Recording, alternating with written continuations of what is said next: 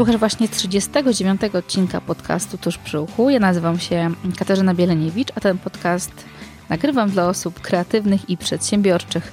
Jeżeli interesuje Ciebie temat kreatywności, rozwoju, relacji, biznesu, mm, szukasz jakichś pomysłów dla siebie, interesuje Ciebie temat mocnych stron, talentów, to zapraszam Ciebie do słuchania tego podcastu. Dzisiaj razem z moim gościem w 39 odcinku będziemy rozmawiać o e, design thinking. E, to jest takie podejście bardzo przydatne, szczególnie w biznesie, do rozwiązywania różnego rodzaju problemów. Problemów, które są złożone, które nie są proste, które nie mają jednej dobrej odpowiedzi, a tych odpowiedzi jest e, dużo.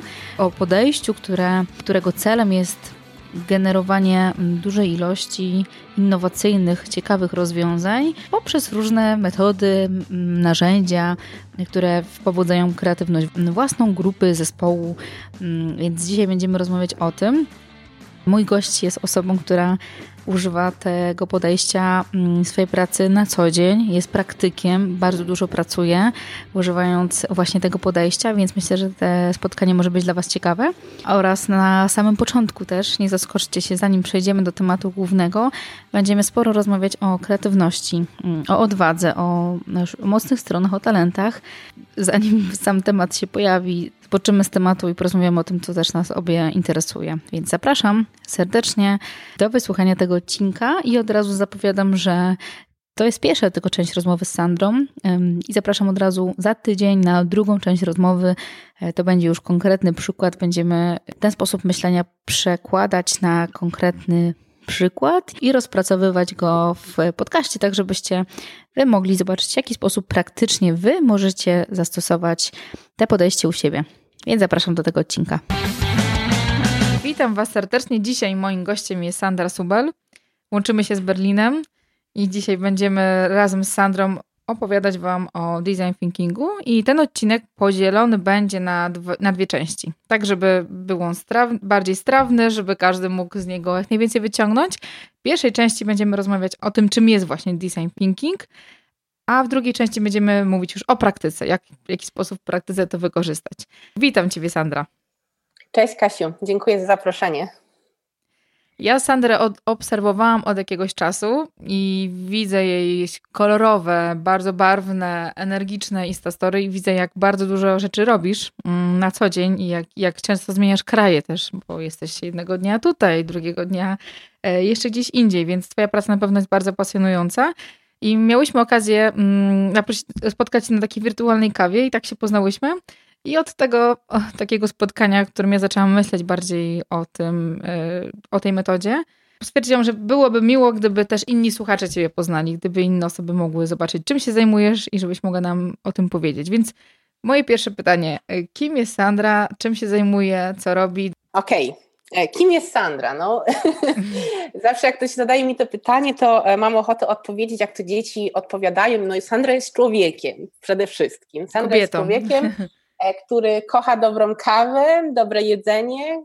I teraz powiem, kocha swojego męża. Może powinnam od tego zacząć, a nie od kawy, jedzenia. A w wolnym czasie zajmuje się, zajmuje się rozwiązywaniem problemów. Problemów wszelkiej maści i rodzaju, które gdzieś w swoim um, korzeniu albo w sercu tak naprawdę mają potrzeby człowieka i też w tym celu wykorzystuje to podejście design thinking, którego nazwę e, utrzymujemy w języku angielskim. E, I od razu chyba musimy uprzedzić naszych widzów, że pojawi się dużo zwrotów w języku angielskim. E, będziemy taką nową mowę polsko-angielską troszkę stosować, za co wszelkich ludzi przewrażliwionych na punkcie, punkcie ochrony języka polskiego z góry przepraszam. No tak od razu taki kontekst do tego.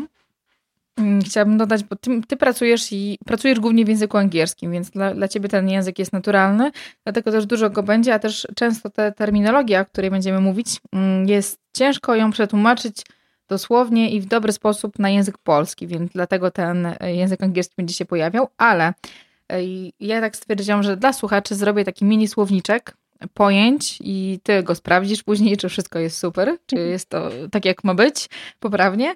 I mm, ten słowniczek będzie mógł Wam pomóc odnaleźć się w tych sformułowaniach, w tych e, obszarach, które my poruszymy, ale myślę, że dla wielu osób to będzie to nie będzie nic takiego strasznego, bardzo skomplikowanego.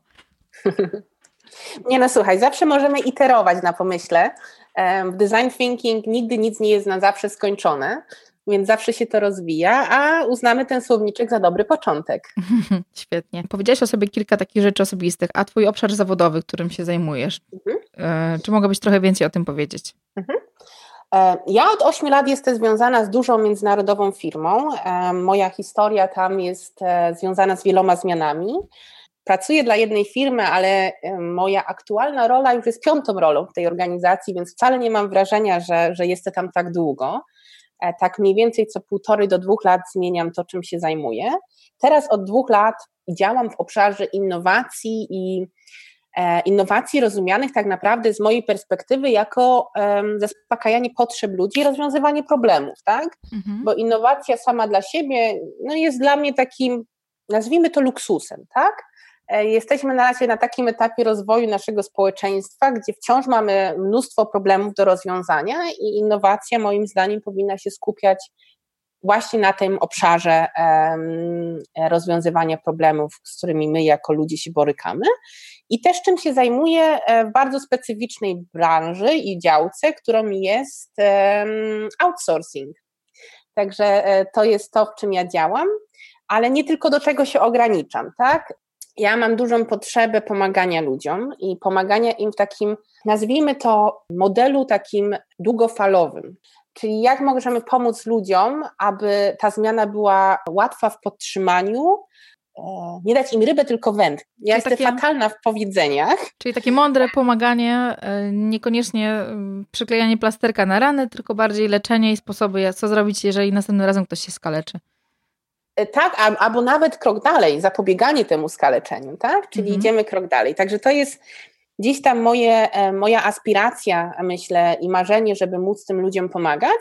Sama zauważyłam, jak wielką zmianę w moim życiu e, wprowadziło design thinking. Odkąd poznałam tą metodę i podejście, sama powiedziałam właśnie metodę, a chciałam powiedzieć podejście, kiedy ono zawitało w moim życiu około trzech lat temu tak naprawdę na kiedy ono, ono weszło na, na, na dłuższą metę i na du, w dużym stopniu w moje życie, e, niesamowitą zmianę obserwuję w to, jak podchodzę do, do ludzi, do problemów. E, e, też w tym kontekście doceniłam moje silne strony Galupa, tak? może za chwilę o tym też powiemy. Także to, je, to jest moje marzenie, pomaganie ludziom i wykorzystywanie tej mojej wiedzy z strefy biznesowej i przekładanie tego e, na życie codzienne.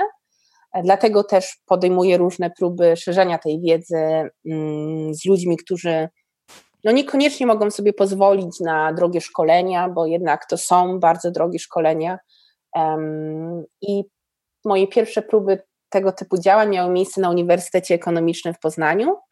E, gdzie w, e, w, kwietniu tego roku zrobiliśmy taką dwudniowy bootcamp e, ze studentami dziennymi i zaprosiliśmy również studentów MBA, którzy wnieśli bardzo ciekawą nutę doświadczenia zawodowego i spojrzenia ze swoich branży.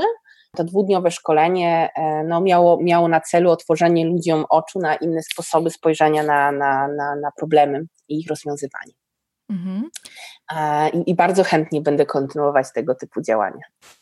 Czyli z jednej strony pracujesz w korporacji, w firmie, dla której służysz, e, pomagasz e, swoimi umiejętnościami, swoją wiedzą, a z drugiej strony masz też taki mm, swój wątek działalności non-profit, trochę takiej bardziej misyjnej, e, mhm. oddawania dobra, które dostałaś, tak jak wspomniałaś wcześniej.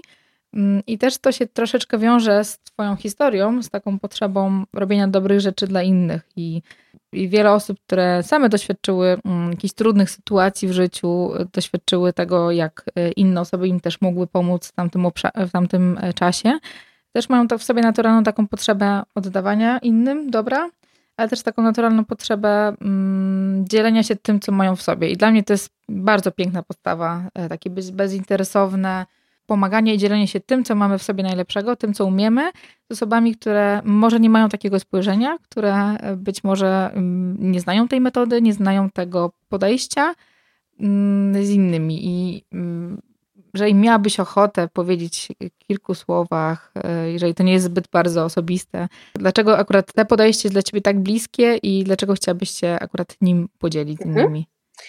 Wiesz co, dla mnie design thinking i to podejście, o którym właśnie rozmawiamy, jest silnie, silnie e, związane z tak zwaną kreatywną pewnością siebie. Mhm. Tom i David Kelly mówią o creative confidence, tak? I ja bardzo silnie to w tym, z tym łączę. System edukacji, nasze życie i to, jak się niektórych losy układają, często sprawia, że ludzie tracą tą kreatywność, kreatywną pewność siebie. W moim przypadku, moje dzieciństwo i, i to, jak dorastałam, moim zdaniem silnie wpłynęło na mój brak e, kreatywnej pewności siebie. W wieku sześciu lat ja, moja mama i, i rok starsza siostra miałyśmy wypadek i one obie zginęły e, w tym wypadku, a ja wychowywałam się z moją babcią i, i, i dziadkiem.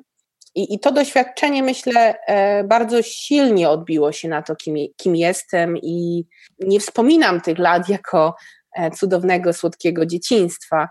I stąd może też ta potrzeba e, pomagania ludziom, którzy się znaleźli w tych trudnych momentach, czy to w dzieciństwie, czy też później. To nie ma, nie ma chyba, może z psychologicznego punktu widzenia na pewno ma, ale jakby nie mam tutaj wiedzy, aby na ten temat się wypowiadać mhm. z perspektywy psychologii, ale kreatywność i poczucie, że możemy zmieniać to, kim jesteśmy, jakim i, i, i co robimy, naprawdę ma duży wpływ na jakość naszego życia.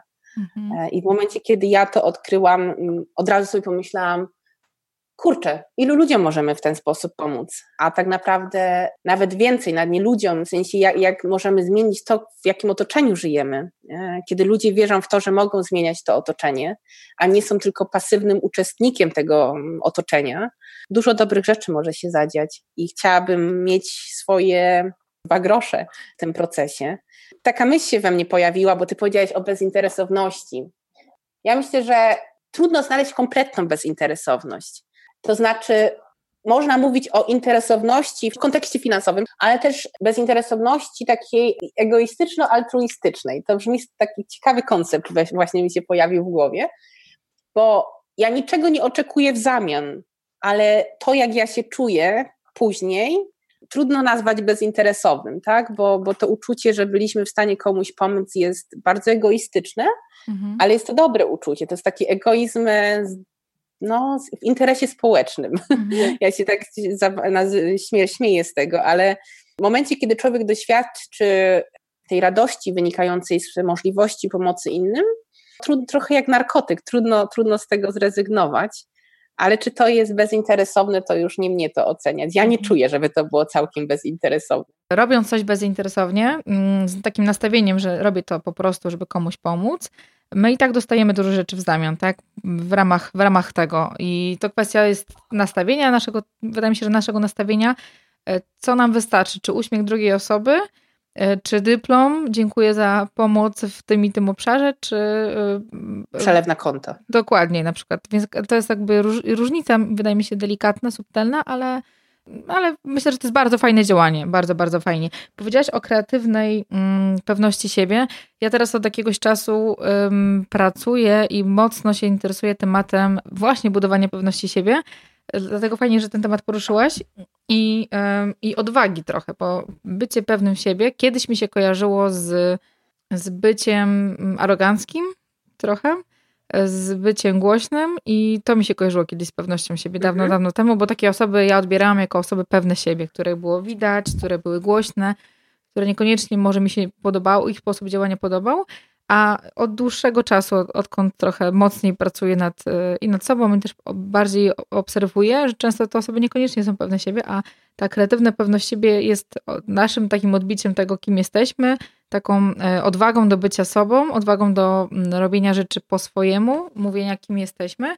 I tutaj dla mnie, dlatego też, tak jak ty jesteś zafascynowana tym podejściem, ja jestem bardzo zafascynowana podejściem Galupa, bo to też dla mnie jest kreatywna pewność siebie, czyli robienie rzeczy po swojemu, tak jak ty czujesz, jak, w jaki sposób myślisz, działasz, y, odczuwasz różne rzeczy, nie jak inni robią, tylko jak ja robię. I często mhm. nasze, nasza brak pewności siebie powoduje to, że wchodzimy w buty, w buty innych, a to nie są nasze buty. I nasza ta kawa wirtualna trochę się zaczęła, rozmawialiśmy mhm. sporo o talentach i dla mnie ta jedna, jedna cecha, która u ciebie jest, czyli naprawianie, świetna rzecz, która się bardzo mocno łączy z tym podejściem, którego ty uczysz, więc w ogóle świetnie, że znalazłem dla siebie sposób na trochę na komercjalizację tego talentu.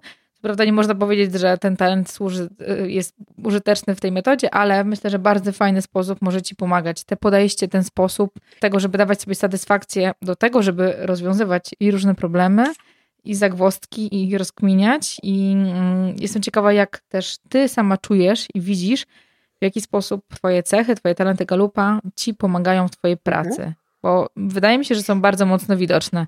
Takie na tyle miałyśmy okazję się poznać. To tak, ja słyszę dwa elementy. Z jednej strony pewność siebie i też chciałem się do tego odnieść i te talenty Galupa. Zacznijmy od tej pewności siebie. Mhm. Myślę, że mamy podobne e, wrażenia, co, co to jest, co do tego, co to jest pewność siebie. Ja mam wrażenie, że im mniej pewni e, siebie są ludzie, tym bardziej o tym mówią, jak pewni siebie są. Troszkę takie zaprzeczenie wręcz. Obserwuję, że tak naprawdę prawdziwa pewność siebie, autentyczność czasem może wymagać uczynienia siebie mniejszym w kontekście do innych, a nie wywyższania się nad innymi, tak? I, i, I dopiero wtedy widać tą siłę pewności siebie ludzi, że nie, nie mają obawy umniejszenia samemu sobie w danej sytuacji, w kontekście człowieka słabszego albo znajdującego się w trudniejszej sytuacji w danym momencie, w pewnym sensie zdawałoby się, że tracą i odbierają, ale oddają drugiemu człowiekowi tą pewność siebie na ten konkretny moment. E, wydaje mi się, że to jest też silnie związane z leadershipem, tak? Jak mówimy mhm. o przywództwie, e, mamy bardzo dużo e, takiego przywództwa opierającego się na, na afirmacji tej pewności siebie, która nie, niekoniecznie się tam znajduje za, tym, za tą fasadą e, tych takich e, publicznych wypowiedzi tych ludzi. I dopiero moment, kiedy ktoś decyduje się w stanie e, właśnie zrezygnować z pewnych nazwijmy to benefitów albo możliwości uzyskania korzyści na, na rzecz innego człowieka, to dopiero świadczy o jego wielkości. E, no i odwadze, tak, bo, bo, e, bo jednak my jako ludzie mamy dużą skłonność do oceniania sytuacji po tym, co widzimy, także to, to jest ciekawe. Ja, ja, ja pracowałam z Asią Chmurą, i ona, to też jest jej pewien konik. E, nie wiem, czy słuchacze znają Joasię Chmurę, która zajmuje się pewnością siebie i odwagą i mhm. autentycznością. Myślę, że znają Także dobrze. Bardzo... Myślę, że znają trochę Joannę. Ja też mam w planach zaprosić ją do podcastu, ale też na pewno znają um, autorkę tej metody, której Joanna stosuje i która bardzo, bardzo, bardzo, bardzo pomaga i perfekcjonistom, i osobom, które nie mają tej pewności siebie, które jakby szukają swojej drogi i e, które często się boją, nie mają tej odwagi i nie pozwalają sobie być na słabości, na e, takie rzeczy, które, mm, no, które każdy z nas ma, tak? Bo są momenty, kiedy po prostu się nie czujemy jakoś bardzo mocno pewnie. I na pewno też ta współpraca bardzo Ci pomogła w odkrywaniu tej kreatywnej pewności siebie. Mm, zdecydowanie, także Brené Brown możemy widzom podlinkować później pewnie te, te książki. A, a, a wiedza Joasi też, też może być ciekawa dla słuchaczy. Także to była pierwsza część e, tego, o czym powiedziałaś. A z drugiej strony mamy te talenty Galupa, tak?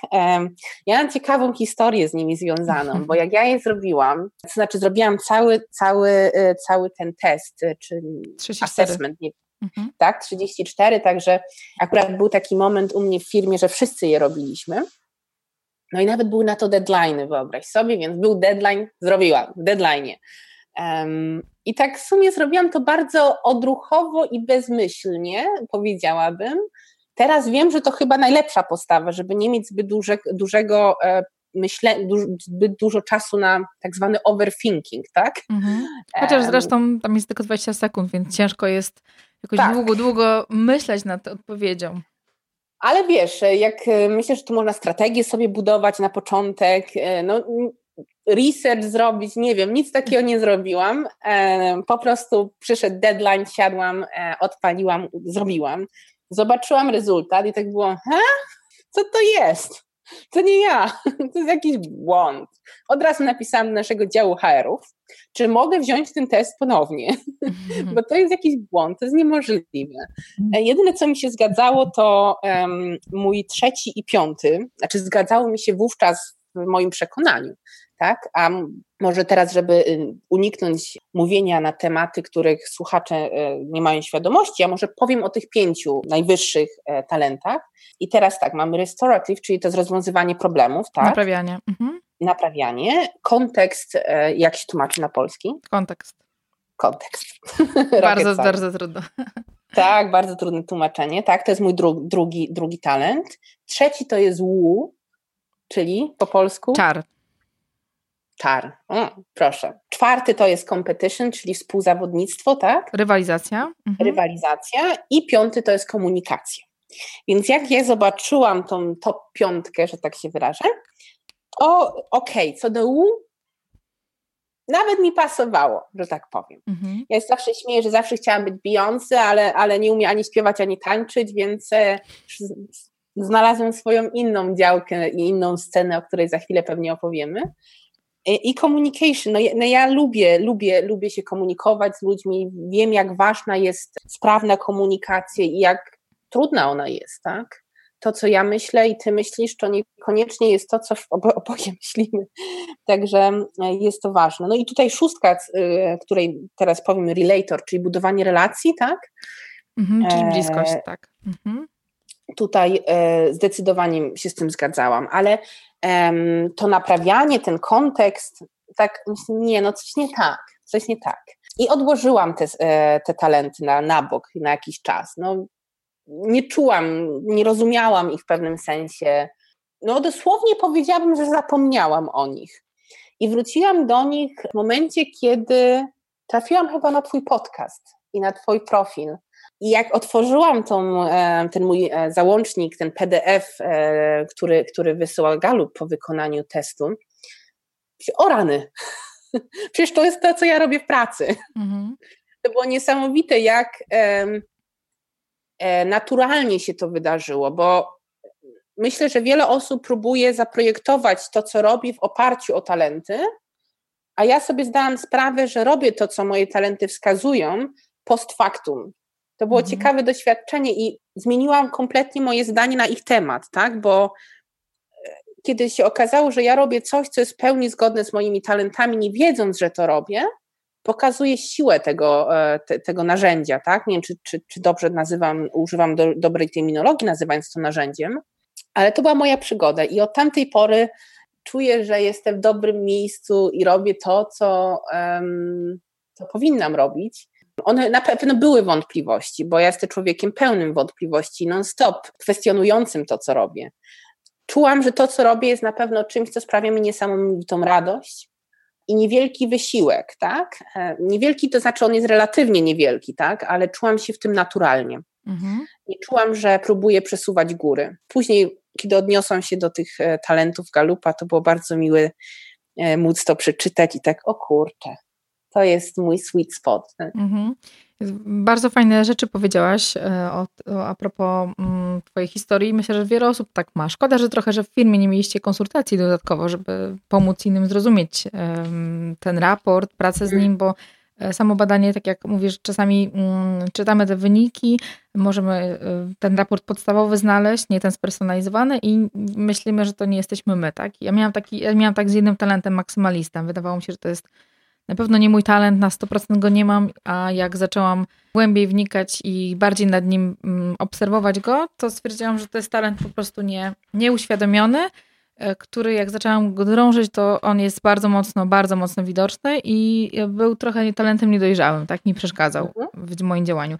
I fajnie, że to powiedziałaś. Chciałam trochę delikatnie sprostować. Mm, bo też do mnie często zgłaszają się osoby i mówią, że zrobiły test i chciałby, żeby na bazie tych talentów określić im obszar zawodowy, który mogą mm -hmm, robić. I mm -hmm. podejście Galupa i też, w którym ja się bardzo mocno zgadzam, to jakby ono nie pokazuje, że te talenty powodują, że będziesz w tym, e, pracował w tym zawodzie super.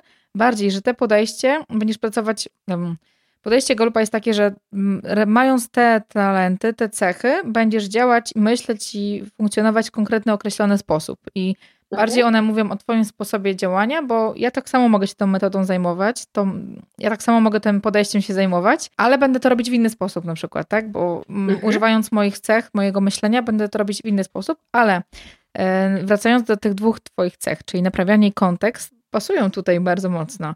Czyli mhm. możesz w fajny sposób działać um, z klientami i to dla mnie jest bardzo interesujące. Z jednej strony szukać problemów do rozwiązania, szukać takich obszarów, w których możesz pomagać i ten, ten podejście jest świetne, a z drugiej strony kontekst, tak, który trochę bazuje na tym, co było wcześniej, jakie wnioski możecie wyciągnąć jako zespół, tak, więc to jest w ogóle, wydaje mi się, że świetne miejsce, tak jak ja czuję, że to, co ja robię, e, to też bardzo mocno spełnia moją misję, moje potrzeby takie po prostu wewnętrzne, tak samo u ciebie może być, więc może przejdziemy mm, do, e, do tego podejścia, porozmawiamy mhm. o nim, i będziemy jakoś nawiązywać do tych rzeczy, które, którymi ty się zajmujesz. Więc chciałabym na początku, żebyśmy trochę wyjaśnili, czym jest design thinking.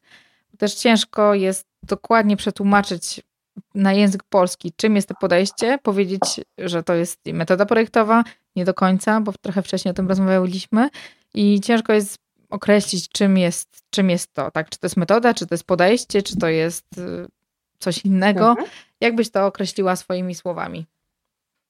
E, znaczy w ogóle piękne przejście od e, naprawiania i kontekstu do metody, tak? Bo, bo to ma bardzo silny związek faktycznie. Mhm. Jeżeli chodzi o samą nazwanie metody, to uzgodniłyśmy wcześniej, że będziemy się trzymać angielskiej nazwy design thinking. Mhm. Wtedy też sobie zdałam sprawę, że um, sama angielska nazwa jest myląca, bo to jest bardziej design doing niż thinking, ale myślę, że w celu zachowania prostoty trzymajmy się e, oficjalnej nazwy.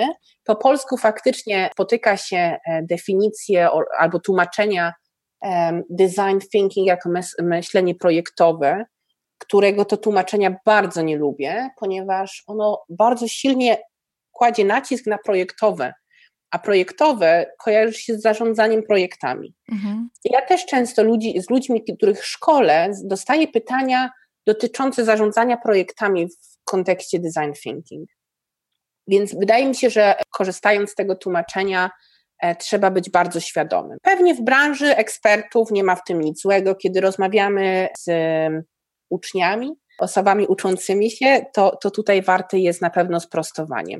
E, w książce Bernarda Roffa Nawyk osiągania, tutaj książeczkę pokazuję e, widzą, a słuchaczom pewnie przekażemy w, w podsumowaniach.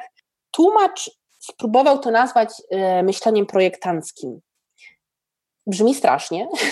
Czyli myśl jak, ale, myśl jak projektant, tak? Troszeczkę. Tak. Znaczy to już wydaje mi się, że to jest ewolucja tego, tego, tego tłumaczenia, bo ostatecznie o to chodzi, żeby myśleć o, o, o problemach tak, jak myślą o nich projektanci, tak? Mhm. A, czyli to, to tak jakby w kontekście wytłumaczenia samego pojęcia. Jak ja definiuję design thinking e, swoimi słowami, Zazwyczaj mówię o nim jako sposobie na rozwiązywanie problemów. Nie mówię o innowacjach, e, bo innowacja dla mnie powinna być związana z rozwiązywaniem pewnego problemu, więc jako podejście do rozwiązywania problemów, które wykorzystuje tak naprawdę narzędzia z tego takiego toolboxu, tego skrzynki narzędziowej projektanta.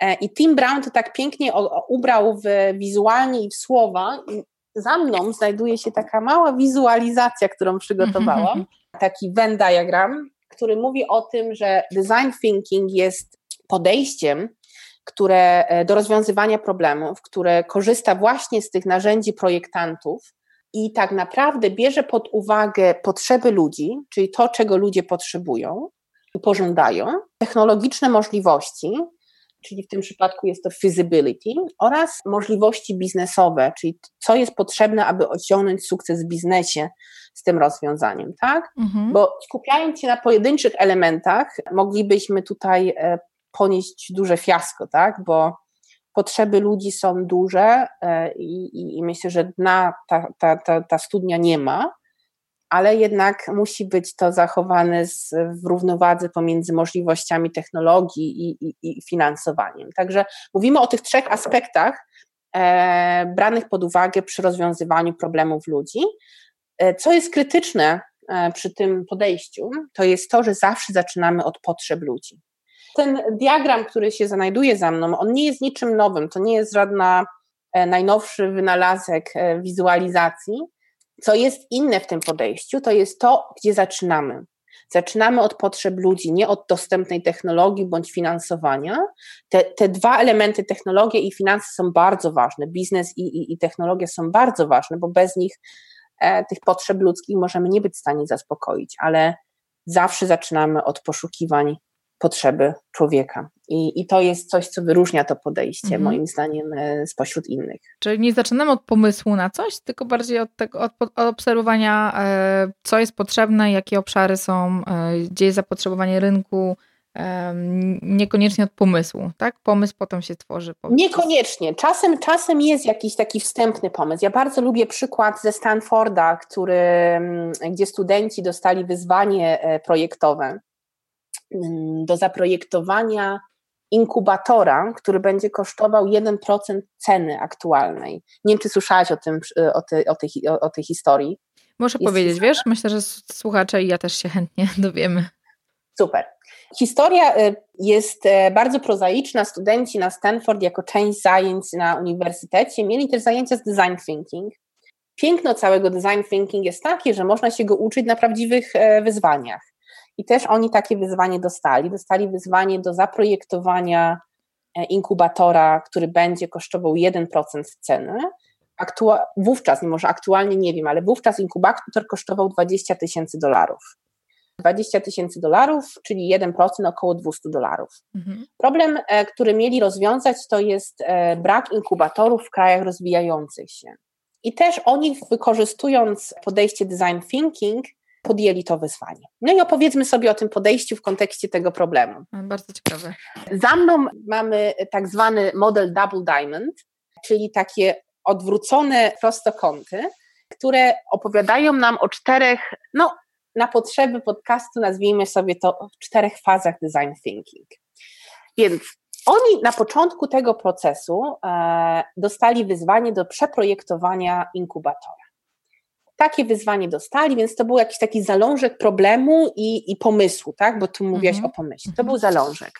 I oni zaczęli od fa pierwszej fazy, którą e, nazywamy discovery albo research, czyli odkrywanie. Oni, ich odkrywanie e, zaczęło się w Indiach i w Nepalu. Pole, polecieli, choć może teraz nie jestem pewna, czy to te dwa kraje, ale na pewno Azja. E, dostali finansowanie i, i, i polecieli badać to, co się tam dzieje w kontekście tych inkubatorów. Co odkryli e, w kontekście swoich badań? Że te inkubatory w, tam, w, tej, w tamtejszych szpitalach stoją puste. Także oni zaczęli patrzeć na problem poprzez ten kontekst, tak naprawdę co było, co jest, mhm. zaczęli odkrywać, robić badania, żeby zrozumieć ten prawdziwy problem. I to jest ta pierwsza, pierwsza część e, procesu. Następnie po zebraniu wszelkich danych przeszli do, do fazy define, czyli definiowania problemu. I w tym momencie, właśnie na podstawie informacji, które zdobyli obserwacji, ocenili, że problem nie polega na e, braku inkubatorów. Problem polegał na tym, że zbyt wcześnie urodzone dzieci w Indiach umierały, ponieważ najbliższe szpitale były za daleko wiosek, w których oni mieszkali, a też lokalna kultura nie wspierała tego modelu zostawiania dzieci w inkubatorze. Także od momentu, kiedy oni dostali wyzwanie, e, żeby zaprojektować inkubator, okazało się, że te inkubatory tam są, tylko w nich nie ma dzieci, ponieważ e, potencjalni klienci tych inkubatorów nie mieszkają w pobliżu szpitala. Mhm. I wtedy mamy ten taki problem, problem space, czyli ta przestrzeń problemów modelu Double Diamond, o którym mówiłam, tego podwójnego diamentu, gdzie środkowym jego elementem jest bardzo specyficzne, e, konkretne zdefiniowanie problemu. I oni przedefiniowali swój problem od zaprojektowania inkubatora do wyzwania, które teraz spróbuję przetłumaczyć je na polski. Jak możemy pomóc e, Sudacie, czyli przyszłej matce w Indiach albo innych e, rozwijających się krajach, e, utrzymać ciepłotę swojego dziecka w kontekście sytuacji, gdzie najbliższe szpitale są daleko, a lokalna kultura nie pozwala im nie akceptuje zostawiania dzieci w tych zimnych pudełkach, bo taka jest percepcja. Więc e, tak naprawdę od e, budowania większej ilości inkubatorów przeszliśmy do tego, jak zapewnić ciepło małym dzieciom, które nie są w stanie go utrzymać e, swoją własną masą ciała, ponieważ mhm. urodziły się zbyt wcześnie. Mhm.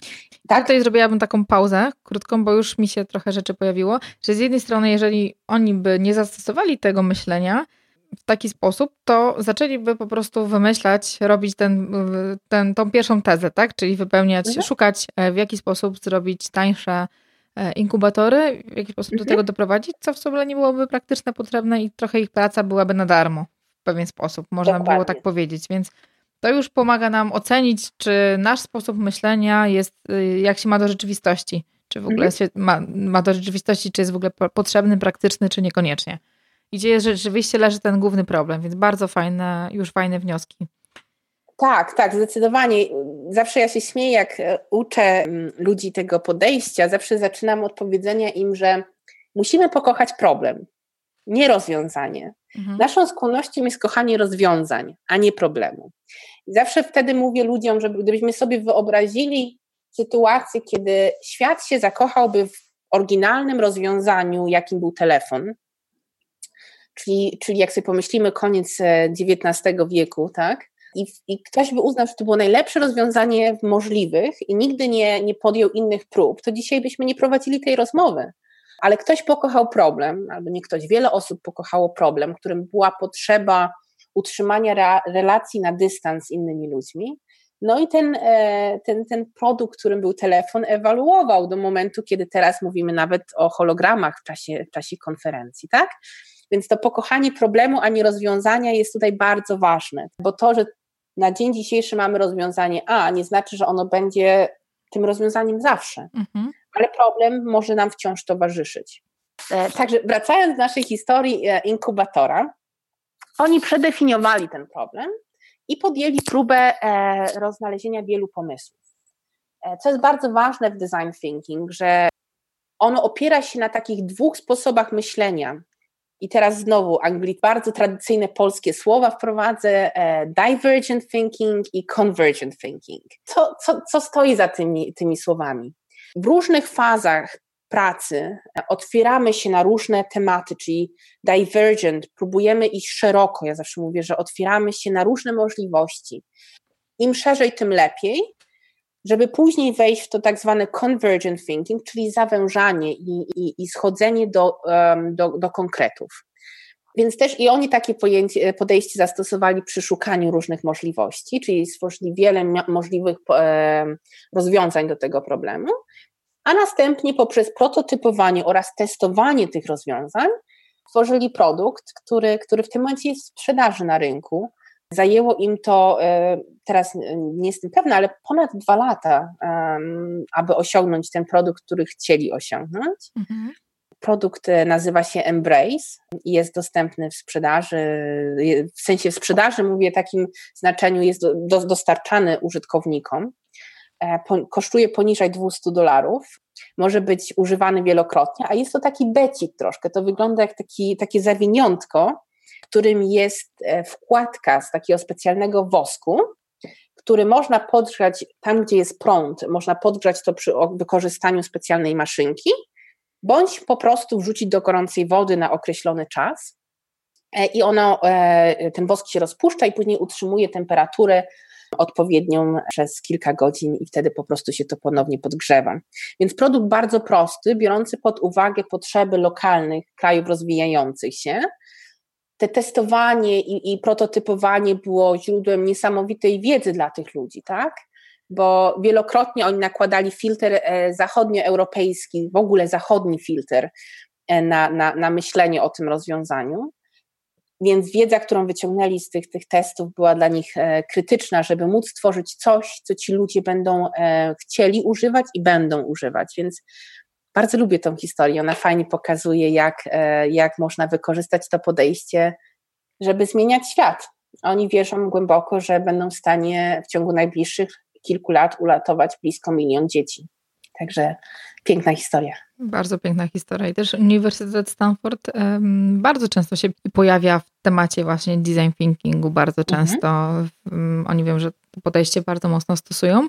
I powiedziałaś o tym przykładzie, ale też można tą, ten, ten sposób myślenia zastosować w różnych obszarach. Mhm. Myśląc sobie nad o sobie, tak? Ja nie, nie znałam znam tą metodę może od roku, o niej zaczęłam więcej czytać, słuchać. Nie jestem ekspertem, nie mam dużej wiedzy, ale wiesz co, zauważyłam, że są osoby, które mm, myślą trochę w ten sposób. Może nie, nie mówię o tych etapach, ale ja zawsze myślałam, robiłam sobie burzę mózgów, różne opcje, niekoniecznie te, które mi pasowały, ale wszystkie wypisywałam. Mhm. Potem y, wybierałam te, które do mnie najbardziej pasują, więc jakieś pewne elementy myślę, że każdy z nas może stosować i są dosyć znane, tak jak ten element, o którym mówiłeś, czyli wypisanie różnych rozwiązań, burza mózgów, mm, ale też y, myśląc sobie też o tym, mm, w jakich obszarach ten sposób podejścia jest wykorzystywany w Twojej pracy, tak? W Twoich obszarach, mhm. które wiesz, że ten sposób myślenia stosują, czy firmy, czy branże. Mhm. Może tak, nawiązanie do Stanford. E, na samym początku powiedziałaś. Ja zawsze mówię, że Stanford jest takim uniwersyteckim domem design thinking. E, można powiedzieć, że tam niemalże się ta historia zaczęła w kontekście design thinking rozumianego tak, jak dzisiaj o nim rozmawiamy. Tak? Tam zdecydowanie ten nurt myślenia i uczenia studentów tego myślenia jest, jest silny. Tam też otworzył się pierwszy instytut e, D-School, Hasso Plattner, E, były CEO SAPA, który zainwestował e, środki i, i tam, tam powstał pierwszy D-School. Ja też jestem bardzo szczęśliwej lokalizacji dla tego, co robię, bo Berlin, w którym mieszkam, jest blisko Poczdamu, choć brzmi to dość zabawnie, bo pewnie Berlińczycy powiedzieliby, że Poczdam jest blisko Berlina. W Poczdamie znajduje się druga szkoła e, w kolejności, która, która została ufundowana przez Hasso Plattnera, która uczy e, myślenia e, jak projektant. Więc, e, więc to jest wszystko, wszystko silnie ze sobą związane. Mówiliśmy o książkach, mówię, taką ważną książką w kontekście design thinking i Stanford jest Change by Design Tima Browna. Także to też polecam słuchaczom, którzy chcieliby się więcej o tym dowiedzieć, jak to się wszystko zaczęło. Oraz książka Toma i Davida Kelly'ego, Twórcza odwaga, Creative Confidence. Także to są ludzie silnie związani ze Stanfordem oraz firmą IDEO. Myślę, że, że e, nasi, nasi słuchacze mogą się tym zainteresować, więc podlinkujemy im, prawda? Koniecznie, tak. Um, a teraz wracając do Twojego pytania dotyczącego, gdzie stosuję w pracy, i pozwolę się odnieść do tego, co e, znajduje się też za moimi plecami, czyli takiego um, bohomazu, ja to nazywam. Bohomazu, bo, bo design thinking Oczywiście, jeżeli jest wola, każdy może i w każdej sytuacji stosować ten, to myślenie, ale czy jest sens inwestować czas i energię w rozwiązywanie problemu, gdzie najczęściej jest jedno rozwią najlepsze rozwiązanie? Mhm. Moim zdaniem nie. Jest wiele innych bardziej naglących problemów, które wymaga skupienia i uwagi. I wtedy mówimy o problemach, które nie są rozwiązywalne poprzez jedno proste rozwiązanie. I, I mówimy tutaj o tak zwanych problemach wicked problems, a nie mam zielonego pojęcia, jak to przetłumaczyć na polski, więc tutaj też wyzwanie dla naszego słowniczka e, może się pojawić. Czyli są to problemy, które poprzez swoją naturę, e, zawiłość, e, wielu interesariuszy, ludzi, którzy w nich uczestniczą, skomplikowaną strukturę finansową, kontekst. Z tych wielu powodów są na tyle skomplikowane, że nie jesteśmy przewidzieć, jakie może być potencjalne rozwiązanie, a najczęściej tych rozwiązań jest wiele. I przy takich e, problemach podejście design thinking z mojej perspektywy sprawdza się najlepiej. Bo jest to nasze to podejście, o którym mówi, mówiłam, to diversion i convergent thinking, czyli poszukiwanie wielu, aby później zejść e, do, do, do mniejszej ilości, silnie się tutaj prze, prze, przebije i przejawia. I też w swojej pracy mamy wiele takich wyzwań w biznesie, gdzie możliwości rozwiązania albo wydaje się, że nie ma. Mm, tutaj mamy taki, takie sytuacje patowe w, w kontekście wielu, wielu, wielu projektów. Albo, albo nie mamy zielonego pojęcia, co mogło być rozwiązaniem. I wtedy często projektujemy takie podejście i pracujemy w, w mindsetie design thinking co nie znaczy, że koniecznie trzeba, jakby to jest taki linearny proces, który wcześniej opisałam, bo troszkę tak teraz sobie zdaję sprawę, że opisując ten diament, zabrzmiało to dość linearnie, a, a, a to jest ostatnia rzecz, którą bym chciała, aby nasi słuchacze zapamiętali. To nie jest A, B, C i jest w domu. E, design thinking to jest proces iteracyjny, tak? um, idziemy pewną ścieżką, ale w dowolnym momencie jesteśmy, mamy możliwość jest, i tak naprawdę podejście nas zachęca do powrotu do wcześniejszych faz, jeżeli uznamy, że jest to konieczne. I zawsze towarzyszy nam myśl, że robimy coś, aby się czegoś nauczyć, tak? Czyli prototypujemy, aby zdobyć wiedzę i sprawdzić, czy nasze, nasz, nasz pomysł i rozwiązanie e, są tym właściwym, a nie tylko, żeby potwierdzić, że to jest to właściwe rozwiązanie, tak? Więc ta myśl, że możemy ponieść porażkę, nam towarzyszy, tak? Tylko czy to jest prawdziwa porażka? Ja nie uważam, że to jest prawdziwa porażka. To jest lekcja, której się uczymy. A w design thinking chodzi o to, żeby ponosić te porażki szybko, żeby równie szybko odnieść sukces. Szybko i dużo, aby szybko odnieść sukces, tak? Nie, nie wierzymy w to, że można od, odnieść sukces e, przy jednej próbie, tak? Myślę, że są takie przypadki, zdarzają się, ale, ale, ale to nie jest część tego mindsetu, tak? Czyli ta iteracyjność, prototypowanie, e, fail fast to succeed sooner, czyli e, ponieść szybko porażkę, aby szybko odnieść sukces e, nam towarzyszy. Mhm. Więc w pracy, w pracy wykorzystujemy to podejście do rozwiązywania tych takich skomplikowanych problemów, gdzie inicjalnie jest wyzwanie w ogóle ten problem nie możemy rozwiązać, tak? albo jest wiele możliwych rozwiązań, więc musimy prototypować i szukać właściwego rozwiązania. Czasem zdarza się, że faktycznie po, po, po, po pracy dochodzimy do wniosku, no, że tego problemu w tych ograniczeniach biznesowych, których mamy, nie rozwiążemy.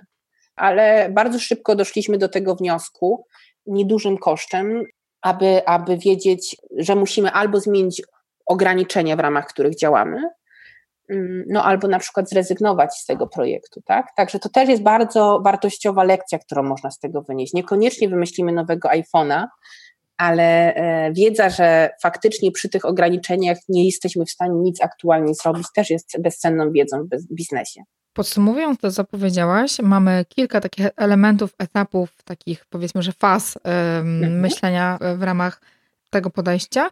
Najbardziej polecany jest w rozwiązywaniu trudnych sytuacji, trudnych problemów, takich bardziej złożonych, zawiłych, nie takich mhm. prostych, które mają jedno rozwiązanie. Mm, e, więc jakby obszarów jest mnóstwo i to są zarówno duże firmy, organizacje non-profit, nawet e, każdy w swoim życiu osobistym ma takie momenty, kiedy jest tyle różnych opcji i tak bardzo złożone i konsekwencje są duże, więc warto te, te podejście zastosować. Ale zastanawiam się, ile czasu od momentu rozpoczęcia tego myślenia do rozwiązania może minąć, e, jakie też są Twoje praktyki i mm, to jest jedno pytanie, a drugie pytanie, jaka jest też Twoja rola jako osoby, która mhm. jest, czy jesteś facylitatorem, czy jesteś mm, e, osobą, która koordynuje, czy jesteś takim, czy są jakieś takie role właśnie ważne w tym procesie, czy niekoniecznie? To zależy. Ulubiona odpowiedź konsultantów, to tak. zależy. Jeżeli chodzi o, o czas, czas jest względny, a tak na, całkiem na poważnie, to um, nie mam dla ciebie takiej odpowiedzi tydzień, dwa, trzy. E, wszystko zależy od problemu, nad którym pracujemy, od e, pracy, która została wykonana już wcześniej. Myślenie w kontekście e, badań o problemie nie jest niczym nowym. Wiele, wiele problemów, mhm. wiele firm podejmuje wcześniejsze próby spojrzenia na problem poprzez badania e, etnograficzne, jakościowe badania. I często ta wiedza już jest na miejscu i tylko jest kwestia jej analizy i może uzupełnienia dodatkowymi e, badaniami. Także tutaj nie ma, nie ma, nie ma konkretnej odpowiedzi na, na, na to pytanie, bo każda sytuacja jest inna i każdy problem jest inny, tak? Też ten proces z mojej perspektywy nigdy się nie kończy, tak? Bo nawet jeżeli przejdziemy cał, całą ścieżkę, ca, cały, e, całe wyzwanie i znajdziemy rozwiązanie na końcu, powinniśmy pozostać w tym, z tą myślą, że my kochamy problem, tak? Więc to nie znaczy, że rozwiązaliśmy problem raz na zawsze i, i, i dalsze ulepszenia i, i, i myślę o, o, o problemie powinna pozostać, tak? W kontekście czasu e, nie, nie udzielę Ci jasnej odpowiedzi, ale chciałabym Cię zachęcić do e, zapoznania się z takim tematem jak Google Sprints. Google Sprints to jest bardzo ciekawe podejście, którą stworzył Jake Knapp, Google Venture, czyli tej spółki należącej do Google zajmującej się inwestycjami. I on zaprojektował podejście pięciodniowe. Jest pięciodniowe podejście, gdzie e, on to nazywa e, rozwiązywaniem wielkich problemów i testowaniem nowych pomysłów tylko w pięć dni. E, I, I to jest podejście, które wiele firm aktualnie praktykuje. Pozwala nam ono tak naprawdę zrobić szybki, szybkie badania dotyczące problemu, przeprototypowanie ich oraz przetestowanie z użytkownikami. Mhm. Jest to bardzo ciekawe podejście, z tym, że wymagające specyficznego środowiska. Tutaj najczęściej już mówimy o jakimś konkretnym pomyśle, który istnieje. Nie zaczynamy od zera. Tutaj raczej mówimy o problemie, który jest odpowiednio szeroki, ale jednocześnie odpowiednio wąski, aby go przetestować. I jest to bardzo, bardzo, bardzo skuteczne podejście. Nie wiem, czy słuchacze znają Slack, e, czyli narzędzie tak, do kolaboracji. Myślę, że znają. Projektanci tego narzędzia również skorzystali z, ze Sprintu razem z Jake'em, pra, pracowali nad tym projektem. Także jest to bardzo fajne, fajne podejście i zachęcam e, do zapoznania się. O tyle wymagający, że um, mówimy o tygodniu ciągiem. Nie, nie zachęca się do rozbijania tego tygodnia, nie wiem, przez pięć tygodni w każdy poniedziałek. Także warte, e, warte, warte zapoznania się. Sama książka jest niemalże e, manualem, jak, jak taki sprint przeprowadzić, łącznie z listą zakupów, co potrzebne jest na taki sprint, wiesz, mazaki, wszelkie podpowiedzi, także gorąco polecam. Nie? To w kontekście czasu. Mhm. Twoja rola Moja trochę, rola. Mm, bo mm, to pewnie zależy od budżetu, takie, że jesteśmy sami, robimy to sobie sami, możemy poprosić kilka osób o wsparcie na zasadzie mm, przemyślenia, zobaczenia, pomyślenia nad rozwiązaniami, których być może my nie zauważymy, a w kontekście Twojej pracy, bo pracujesz jako konsultant, więc Twoja rola też jest e, raczej kogoś e, z boku, kto pomaga, daje przestrzeń do wypowiedzenia się innym osobom i jakby w jakiś sposób zarządza tym procesem, czy raczej dawanie wolności i to grupa prowadzi ten proces? Jak to wygląda? Mhm. Oj, to też znowu, to zależy, kim pracuję, tak? Ja lubię widzieć swoją rolę jako rolę facylitatora, jako rolę osoby tworzącej warunki pomagające rozwinąć skrzydła e, członkom zespołu projektowego, tak? Innowacje i projektowanie e, usług zwłaszcza, no nie jest to gra solo, tak? Samemu jest ciężko. Mówię o tym z własnego doświadczenia, bo, bo, bo, bo zdarza mi się być w takich momentach, gdzie potrzebowałabym krytyki, tak? E, mhm. E, takiej konstruktywnej, projektowej krytyki dla pomysłu, który mam, dla, dla, dla inicjatywy, nad którą pracuję. I, i, I wtedy posiłkuję się moim networkiem, który, który gdzieś tam sobie zbudowałam, ale faktycznie praca w zespole jest tutaj zdecydowanie wskazana.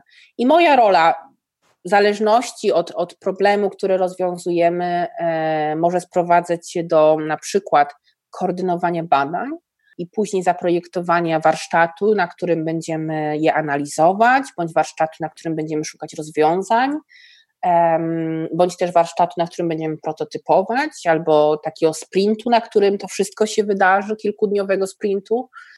Także, także tutaj e, ta rola zależy od, od wielu, wielu czynników. Moja, moje serce i dusza w, kontekście mojej pracy idzie bardzo silnie w kontekście, e, w kierunku E, service design, czyli projektowania usług, tak? Usługi jednak są mojemu sercu najbliższe. Zresztą czy w tych czasach mamy produkt, który nie ma usługi połączonej z nią? Chyba Chociażby nie. reklamacja, prawda?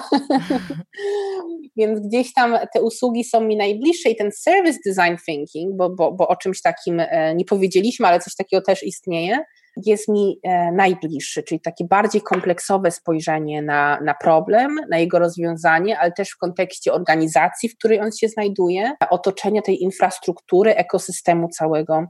I, i, i, i to jest coś, co mnie fascynuje i, i w, w którym kierunku, kierunku chcę iść. Aczkolwiek to jest zdecydowanie bardziej wymagający i czasowo, i organizacyjnie, więc z własnego doświadczenia wiem, że łatwiej mówić o design thinking w kontekście warsztatów i, i, i tego brainstormingu, o którym Ty mówiłaś, e, prototypowania, ale tutaj chciałabym może podkreślić, że, że, że to też budzi wiele mitów albo e, prowadzi do wielu mitów i, i braku zrozumienia design thinking e, w środowisku. Wiele osób wierzy, że design thinking to są tylko warsztaty. Niemalże stawia znak równości pomiędzy design thinking i warsztaty kreatywne a jest to moim zdaniem e, bardzo ujmujące temu podejściu, bo, bo, bo warsztat jest tylko częścią, może być częścią, nie, nawet nie musi, może być częścią tego sposobu myślenia i pracy. Wiele osób e, traktuje design thinking jako tylko taki, e, taki, taka skrzynka narzędziowa, gdzie sobie tam będzie wybierać, to dzisiaj zrobię sobie, nie wiem, mapę empatii, jutro sobie zrobię personę, a pojutrze sobie zrobię ścieżkę klienta, tak? I oczywiście nie ma tym nic złego, bo, bo to są wszystkie narzędzia dla ludzi i, i po to, żeby ludzie z nich korzystali.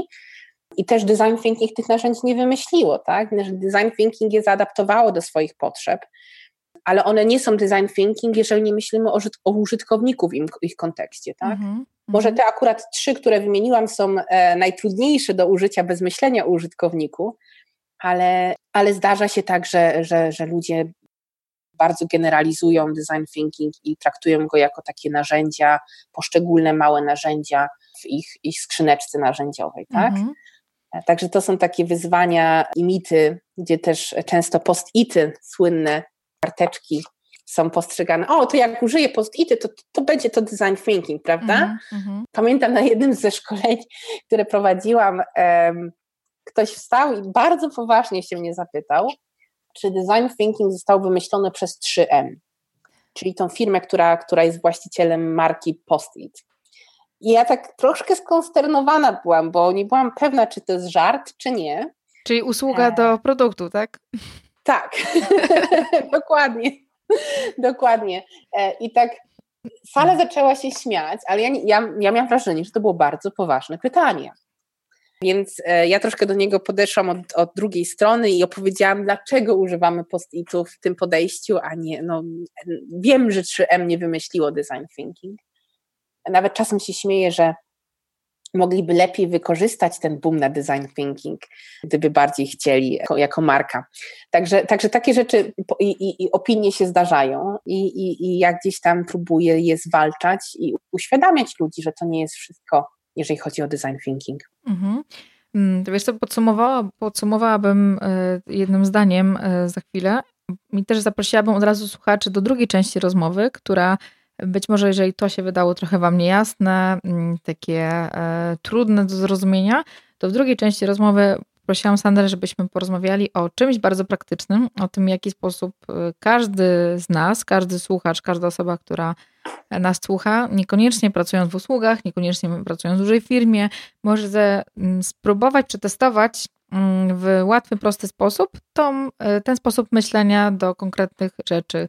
I będziemy chciały omówić te kolejne etapy na przykładzie projektowania życia, takich różnych elementów, które są ważne. Więc do, zapraszam do drugiej części od razu rozmowy. Mm, a jakby podsumowując to, co powiedziałaś też, te podejście pięciu dni wydaje mi się, że jest fajne, bo E, pomaga nam przez 5 dni e, mieć skupienie, uwagę zatrzymaną w jednym obszarze.